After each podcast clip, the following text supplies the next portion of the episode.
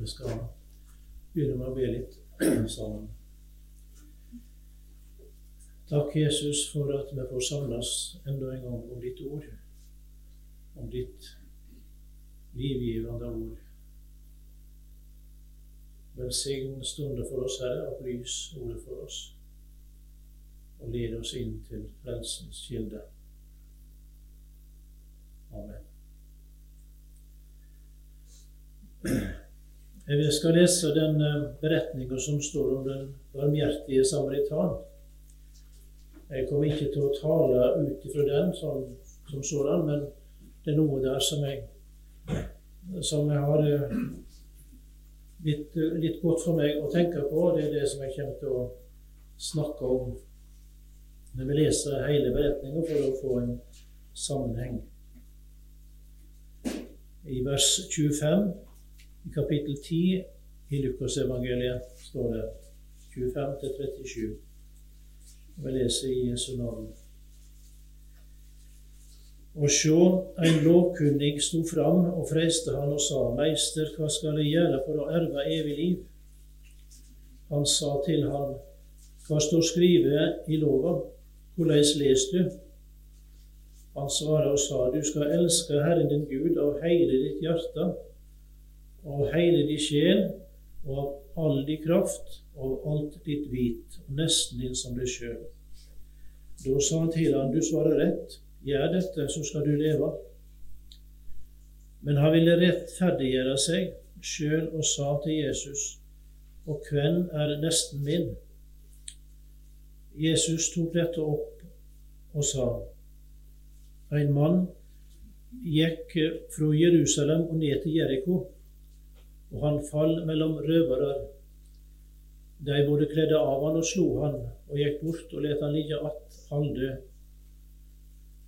Nå høvde det så at en prest drog, samme, drog ned etter samme vegen, og han så mannen og gikk framom. Likeens kom det en levitt til staden og så han og gikk framom. Men en samaritan som var ute på en reis, kom òg dit mannen lå og da han så han, fikk han inderlig medynk med han. Han gikk bort til han og batt om såret hans, og helte olje og vin i dem.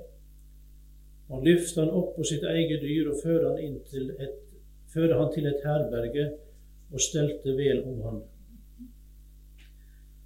Neste dagen tok han fram to denarer, ga det til verten og sa, stell vel med mannen. Og hva mer du nytt legge ut, det skal jeg betale deg når jeg ikke att. Hvem av disse tre tykker du nå synte seg som en neste for han som hadde fallet mellom røvere? Han sa, den som synte han miskunn. Da sa Jesus til han, gå du bort og gjør likeens. Du visste alt om meg før du meg kalla, og ga meg plass ved nådens rike bord står det i en sang. Og det stemmer helt med Guds ord. Slik som jeg leser det i Romerne 5, 6-8, som har vært mye framme her hos, uh, i uh, Lars Fredrik sin, sin, tale, eller en av hans taler. Og Der står det for medan vi ennå var skrøpelige, døde Kristus til fastsatt tid for ugudelige. For knapt nok vil noen gå i døden for en rettferdig, enda en kan nok kunne være villig til å dø for en som er god. Men Gud syner sin kjærlighet til oss ved at Kristus døde for oss, men medan vi enda var syndere.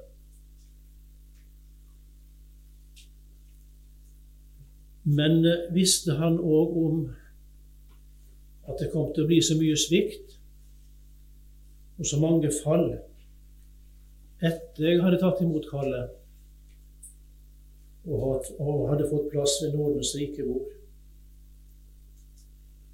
Og visste han om at hjertet ditt og mitt er så full av det som er stygt og ureint, vonde tanker og følelser om andre mennesker, egoisme, selvhevdelse, æresyke, kulde osv. ifra hode til fot, hjertets innerste rot, kun en eneste masse av synd. Ja, han visste det. Han visste alt om meg, står det i sangen. Og det er sant.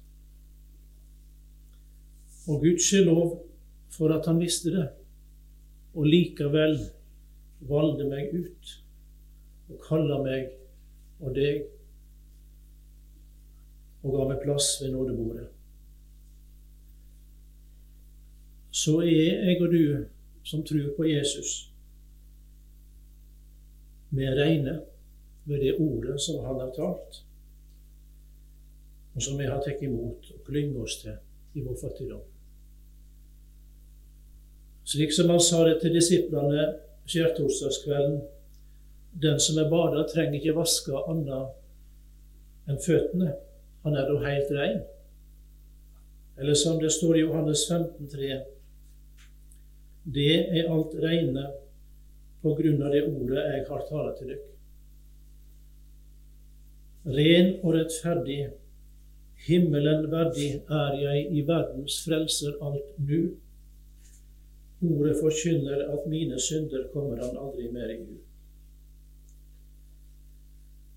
Det var ingenting som mangla i det skyldbrevet som ble nagla til korset på langfredag. Ingenting. Ikke en eneste post var uteglemt. Heller ikke de synder som plager meg nå, eller deg de som henger så fast ved oss, som hebreerne 12 sier det. Heller ikke de fall og svikt som hører framtida til, var uteglemt. Jesus forutsa det så tydelig at disiplene de skulle svike han og fornekte han natt til langfredag. Han forutsa det tydelig. Men han sa ikke dermed at han ikke ville ha noe mer med dem å gjøre. At de bare kunne gå sin vei. Det sa han ikke. Nei, straks etter at han hadde sagt at de skulle komme, komme til å stydjast eller svike han, stydjast ved han eller svike den natta han skulle bli forrådt, så sier han at han vil gå i førevegen for dem til Galilea etter oppstandelsen. Det er ikke snakk om noe brudd eller noe bortvising. Og Når han taler til Maria Magdalena der ute ved grava påskedags morgen etter oppstandelsen, da sier han, Gå til brødrene mine og si til dem, Jeg fer opp til min far og dykkar far, min Gud og dykkar Gud. Han hadde ikke forkasta dem. Og Så leser vi hvordan han møter sine falne og feilende disipler som sitter redde og forsakte bak stengte dører påskedagskvelden. Fred være med dere, sier han. Ikke et eneste klandrende ord fra hans lepper. Heller ikke noe agg eller noe ondt i hans sinn. Bare fred, bare evangeliet.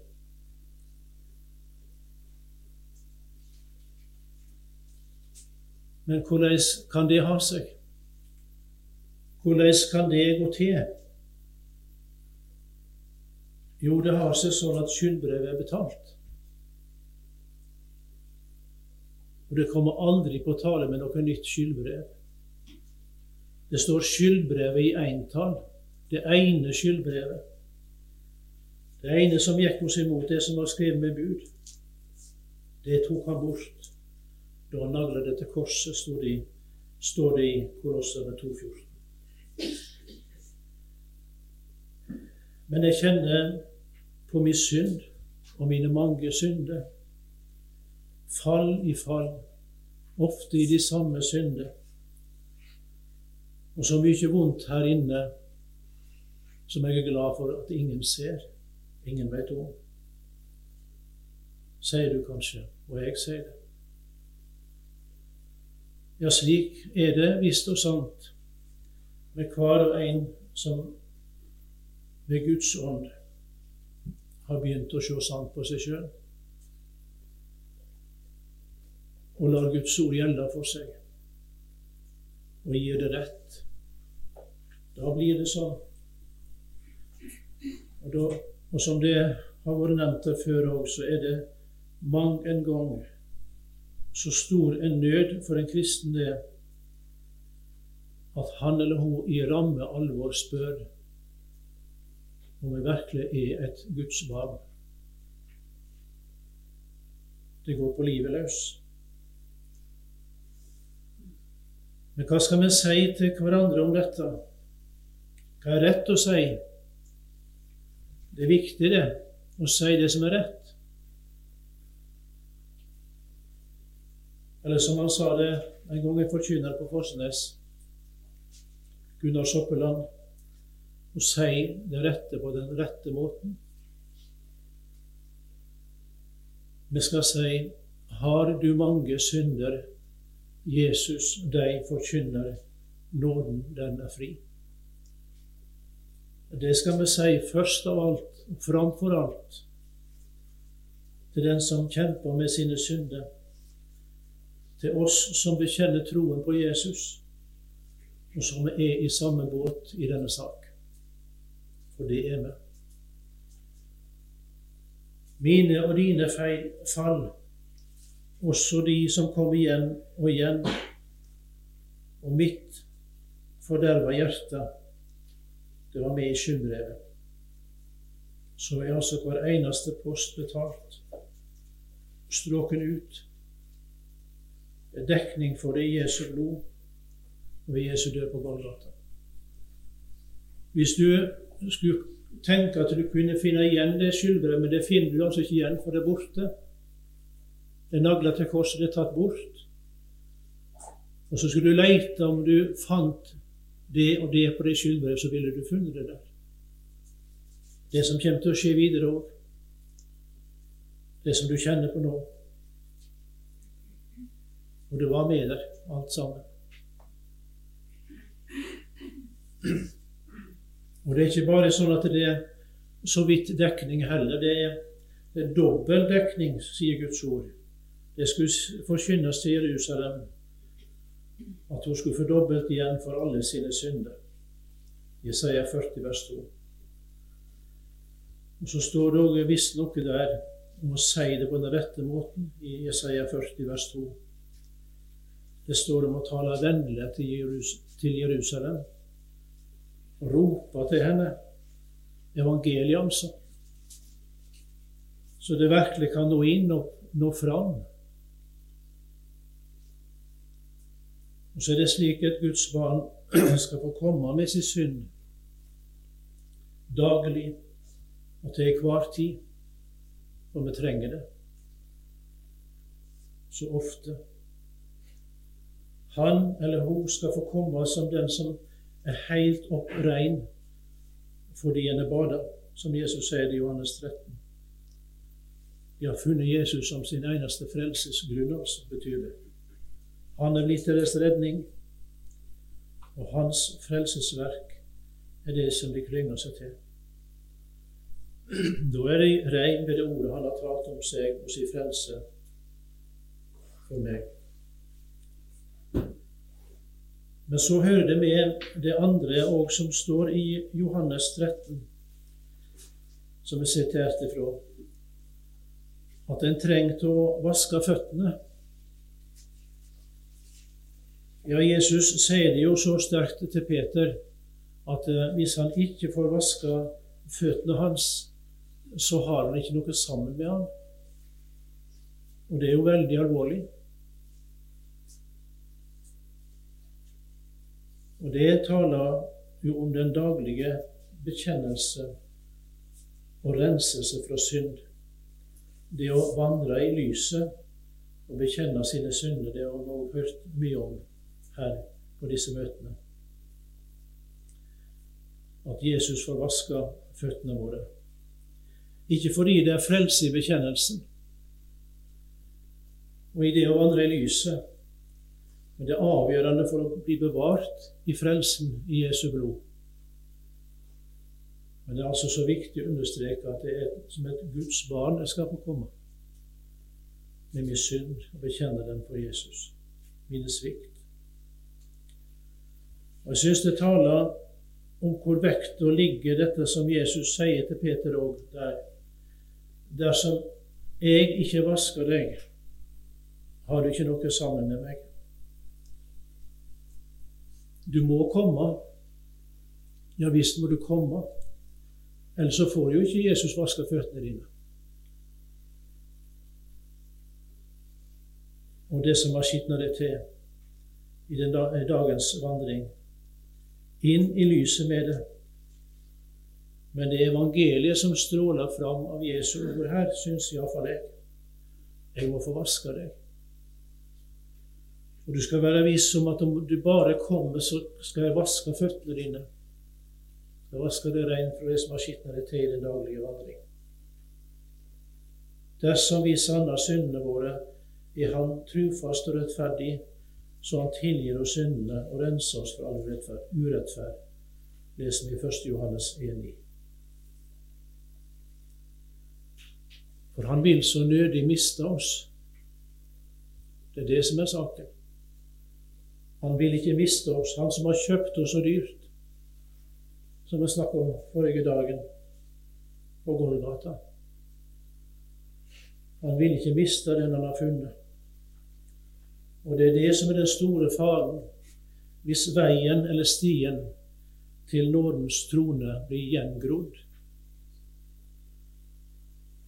gror igjen en sti hvis den ikke blir brukt. Det kan vi se ute i skogen. Den må ikke bli gjengrodd, den, for da er du snart borte fra Jesus. Og Så er det en som vil stenge den veien for oss og hindre oss i å gå den inn til nådens trone, inn til korset. For inne ved korset, er, der er han avvæpna, djevelen, den onde. Der har han ingenting å si.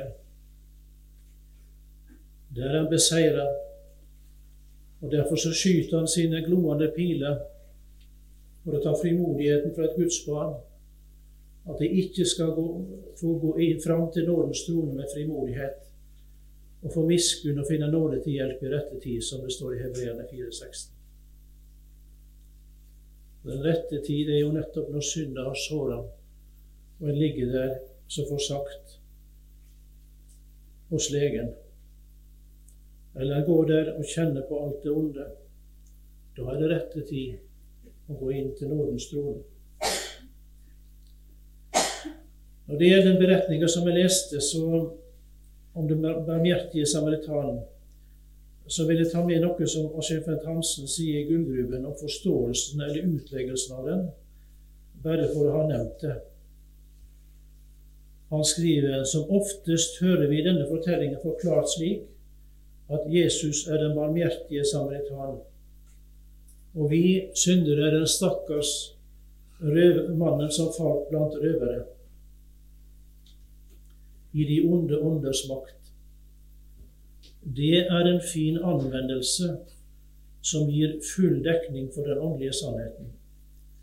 Vi lot oss hjelpe av Jesus. Vi fikk legedom ved hans sår, fikk nye krefter, livskrefter ved hans ånd og herberget er bildet på de hellige samfunn, Jesus sanne kirke.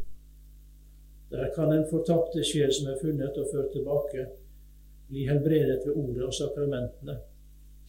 Og dette herberget skal bli værende på jord til Herren kommer igjen på den store dagen. Men så sier han men dette er nok mer en anvendelse enn en utleggelse av teksten. Hovedpunktet det ligger i den oppfordringen Jesus gir den lovlærde til avskjedshilsen. Går du bort og gjør likeså.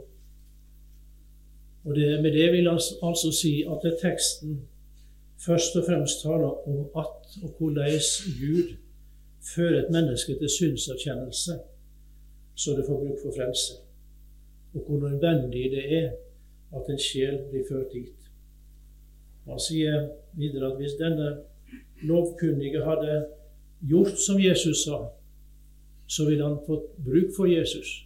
For han har sett at han var en synder. Han ville komme til kors. Det er hovedtemaet i teksten, eller hovedpunktet som han kaller det.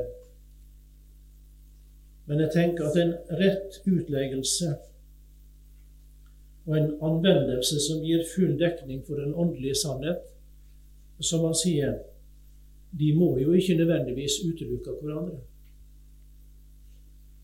Det antyder jo kommentaren òg, så langt som jeg kan forstå det. Men en grenseoppgang kan jo være nyttig å foreta. Hva er det ene, og hva er det andre?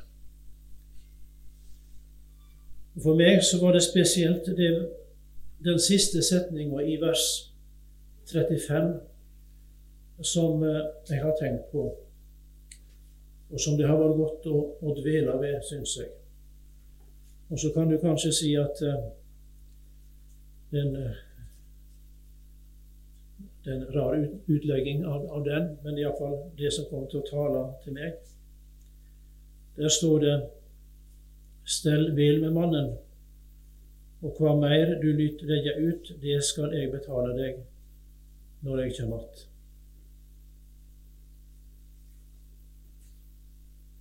Det taler om det at eh, det som vi snakker om her, den synder som stadig legger seg på hos oss, det, det, det, er liksom mer å legge ut stadig vekk.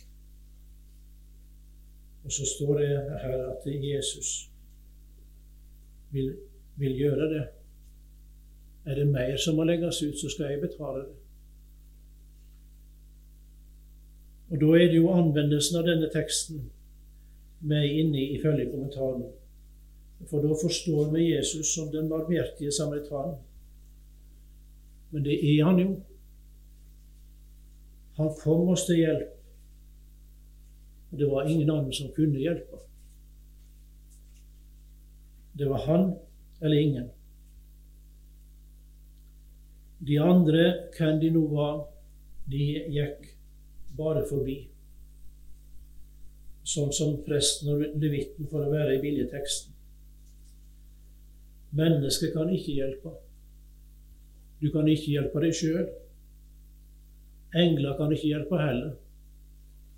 Det står at de er sendt ut til tjeneste for de som skal arve frelse, så de er gode hjelpere for de, for de truende på veien hjem til himmelen. Det er de. Men de kunne ikke hjelpe noe som helst, de heller, om ikke han kom. Den eneste som kunne ordne vår sak. Nei, han trakka pressekar aleine, står det. Det var ingen av folka som, som hjalp ham. Pressekaret har jeg trakka jeg aleine, og folka var ingen med meg, står det i Jesaja 63,3. Vi kunne ikke engang se på når han gjorde det, som vi var borti i går. Hans dype smerte i gudsforlatthetens mørke og fortapelsens gru måtte innhylles i mørket Synderen måtte skjermes for det, skånes for det, forsyne, for han ville ikke kunne tåle det. Men så har òg hans dype smerte skaffet til veie en konto som gir dekning inntil livets slutt for hver en synder som vil komme. Og når livet er slutt, når det er slutt, så trenger han eller hun ikke lenger noe dekning. For da er den truende ferdig med synder og venter i grava på oppstandelsesmålet hvis ikke han får være med Jesus før den tid, før han dør. Leonard Gudmundsen og sønnen hans Leonard Gudmundsen er jo død for flere år siden. Men de synger en sang sammen der sønnen spør og faren svarer. Og svaret kommer med gjentakelse som understreker evangeliet. Gjentakelsen er som da det skulle tales vilt og ropes til Jerusalem. Så det skulle nå inn til den som trenger det. Det er som en sjelesørgersamtale, dette. Tre av replikk, replikkvekslingene de går slik. Sønnen spør, Hva har min Gud i dag å gi? Og faren svarer, Forlatelse, forlatelse. Og Så spør sønnen slik som den anfekta så tid sier, Mitt hjerte er så vårt og kaldt. Og svaret lyder, Han sonet alt. Han sonet alt. Og så den tredje bekymring, om jeg kunne kalle det det. Hvor lenge vil han holde ut? Og svaret lyder igjen like fullt av visshet til reisens slutt. Til reisens slutt. Og så står det det samme i Johannes 13,1. Og liksom han hadde elska sine egne som var i verden, såleis elska han deg til det siste. Helt til det siste. Og Jeremia 31,3. Ja, med evig kjærleik har jeg elska deg. Derfor har jeg latt min miskunn mot deg vare ved. Han kommer til å holde ut til livets slutt.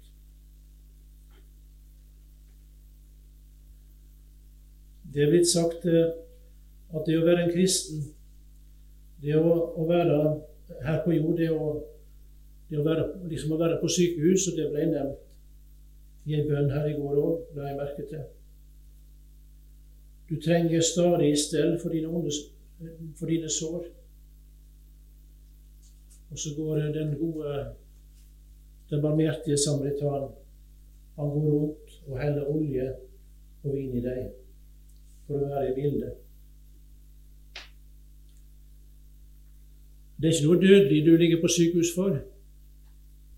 Det er mye verre å ligge med noe dødelig. Du vet at døden kommer. Men det er ikke det. Og du har, du har fått livet. Du er rein. Men du må ha stell for dine sår og det vil vare livet ut. Også gjerne en skulle ønske å bli skrevet ut. Ikke trenger å være der lenger. Bli erklært frisk. Men det blir en nok ikke før en lukker øynene i døden. Men da blir en det. Da blir en skrevet ut. Da blir en fri all synd og alle syndesår.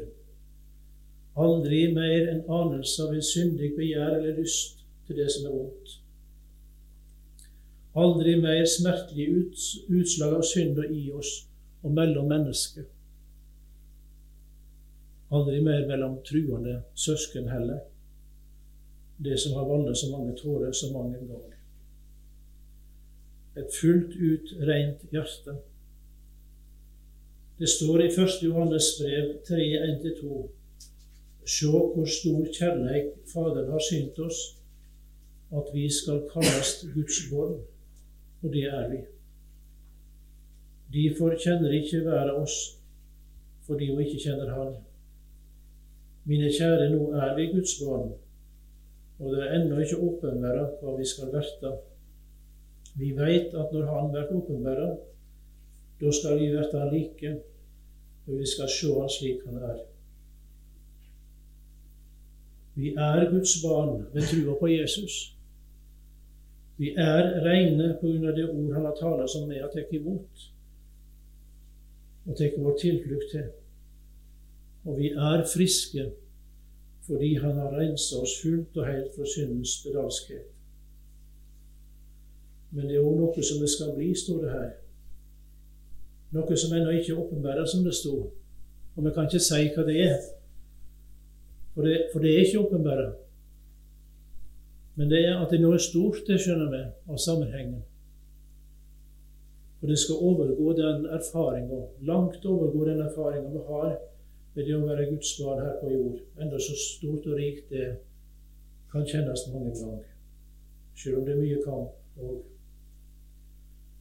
Og noe av det som skal åpenbares og skal bli en sannhet, det er nok dette at vi skal slippe å kjenne på synd lenger og få muligheten for synd. Men sa ikke Jesus til kvinner som var grepen i hor, gå bort og synda ikke mer, etter at han hadde sagt, heller ikke jeg fordømmer deg. Og skriver ikke Johannes i sitt første brev, mine borg, dette skriver jeg til dere så de ikke skal synde. Og står det ikke sånn i Romane 6,2 vi som er døde fra synda, hvordan skulle vi ennå leve i synder? Og sånn kunne vi fortsette med det ene gudsordet etter det andre, som taler om den hellige veien et Guds barn skal gå, og kaller til å gå. Om det livet som er omvendelsen verdig og evangeliet verdig. Jo, slik taler ordet, og slik skal vi forkynne det både til oss sjøl og til Guds menighet. Og det indre mennesket sier med glede ja til den veien, slik som vi leser i Romane 7. Og var jeg mer deg Jesus lik, synger den truende, og uttrykker med det sin innerste lengsel. Men det blir dessverre ofte så stort et gap mellom det en skulle være, og det en er gjennom dagens timer. Hans Erik Nissen han sier i andagsboka si synden henger fast ved alt. Igjen og igjen føler du trang til å bli lagt merke til. Legger ikke andre merke til deg, blir du skuffet. Du vil ha takk, bli æret og opphøyet vi gjemmer mange synder dypt i sinnet. De fleste hører tankelivet til. De dukker stadig opp. Av og til bryter synd også ut i handling, og man blir forferdet over seg selv. Derfor må vi bekjenne at det er synd i livet vårt. Jeg kan ikke få bukt med den. Hvor mye jeg anstrenger meg, kommer jeg den aldri til livs. Så er det kanskje noen som vil si det at eh, Og det er sikkert på en måte med rette. Hvorfor skal vi tale så mye om synd? Kan vi ikke tale mer om hva vi eier i Jesus? Og det er sant. Vi ser altfor mye på oss sjøl og så lite på Jesus. Men det er ingen motsetning. Det er snarere den nærmeste sammenheng mellom det å tale realistisk om kristenlivet og de mange svikt og de mange nederlag, og det å glede seg i frelsen i Jesus, ta sin tilflukt til ham. For det ene fordi det bare er syndere som gjør det. Ingen annen. Og det er bare syndere som blir ved korset forblir der. Vi har ikke noen annen plass å være i. Men der er de trygge, og der har de sin fred. Og For det andre så må vi tale realistisk om vårt syndeforderv og den synd som henger så fast ved oss, og så være ærlige i det. At det gjelder oss alle. Jeg vet ikke om du har opplevd det. Jeg syns jeg har gjort det noen ganger. Jeg har sittet og hørt på en forkynner og sånn, talt litt om hvordan han sjøl har det. Kan sjøl streve med og sånne ting. Og har du det sånn òg? Er det sånn det er for deg òg? Og så finner du trygghet gjennom det. Og du får høre at det er for sånne Jesus kom.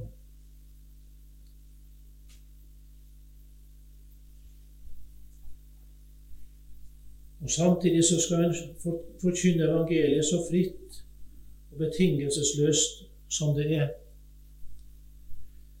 Så hver stakkars synder ser at han kan få komme hvor galt det enn har gått eller stå til.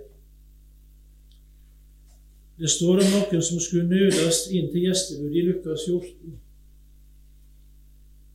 Det var ikke fordi de ikke ville komme, det ville de nokså gjerne. Men de så seg så skitne og uverdige at de ikke turde å gå inn. De kunne ikke forstå at det var for dem. Er det ikke sånn du og jeg og noen ganger tenker? for hver ny side av fordervet som blir åpenbart for oss, blir det på ny vanskelig å tro nåden, sier Kromacher i heftet 'Kraften av landets blod'. For hver ny side av fordervet som ble åpenbart. Du blir så overraska, du, men Gud veit om det. For han visste alt før han ble kalla. Og sangerne sier, som også har vært sitert før, kan du have meg kjær, selv så heslig er da du en forunderlig Gud. Den levende trua, den er ofte anfekta, og den kjemper for livet. Derfor så må vi være ærlige og tale sant om hva det er å være en kristen. Hvem det er Jesus kjenner. Han kjenner de som tar sin tilflukt til ham, står i navn, 1.7. Det nevnte vi òg i vår. Og det vil si syndere, det. Virkelige syndere med virkelige synder, som Bislett sa den gang. Og så tar han seg av de som de syndere de er, helt fram. Slik som vi ble minnet om det, det vi leste i starten. Han betaler og gjør opp for det som fremdeles må legges ut der på herberget eller sykehuset. For han har full dekning, og det er dobbelt opp ved det han har betalt og fullbrakt på Golgata. Det er full dekning for hver eneste synd hos hvert eneste menneske fra tidenes morgen til en, denne hus, husholdningsavslutning. Det er en veldig tanke, men den er sann. For alt var med i skyldbrevet. Og da er det svært å tenke på at det vrimler av mennesker rundt oss som går på den breie veien mot fortapelsen, og så er det betalt for dem. Det er full dekning og dobbelt opp på Jesu konto også for dem. Men de ville ikke komme. Jesus ville så gjerne, og så ofte, står det. Hvor ofte jeg ville samle dere som en høne samler kyllingene under vingene sine men dere ville ikke.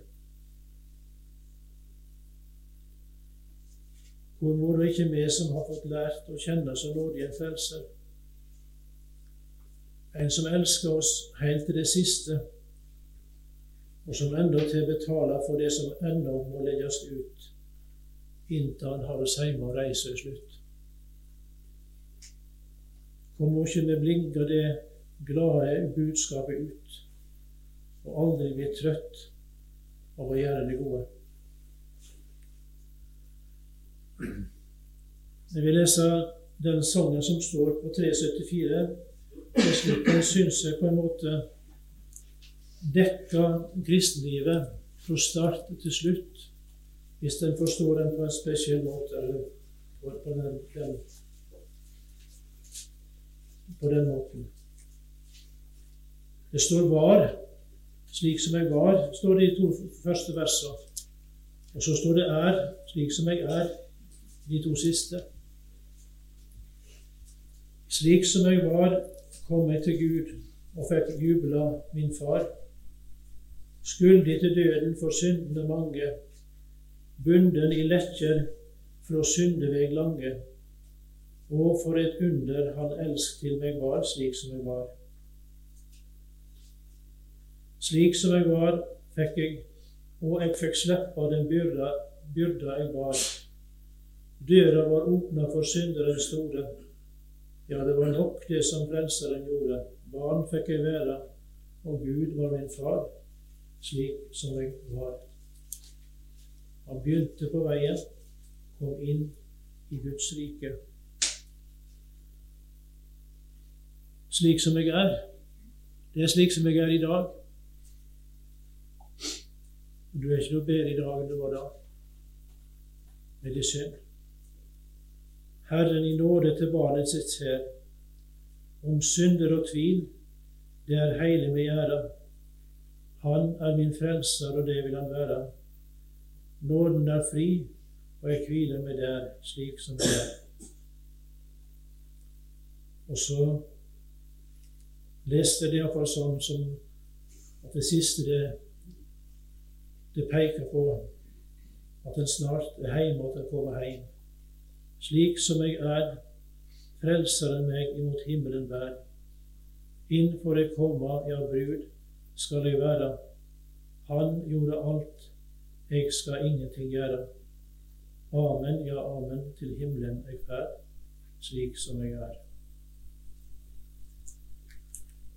Jeg takker deg, Jesus, for det at du er en slik frelser som vil ta deg av oss helt fram. Og du ser hvordan det står til med oss, Jesus. Hjelp oss at vi må gå inn ved nådens trone og aldri la den veien eller stien bli gjengrodd, slik at du kan få bevare oss i troen på deg inntil vi er hjemme. Amen.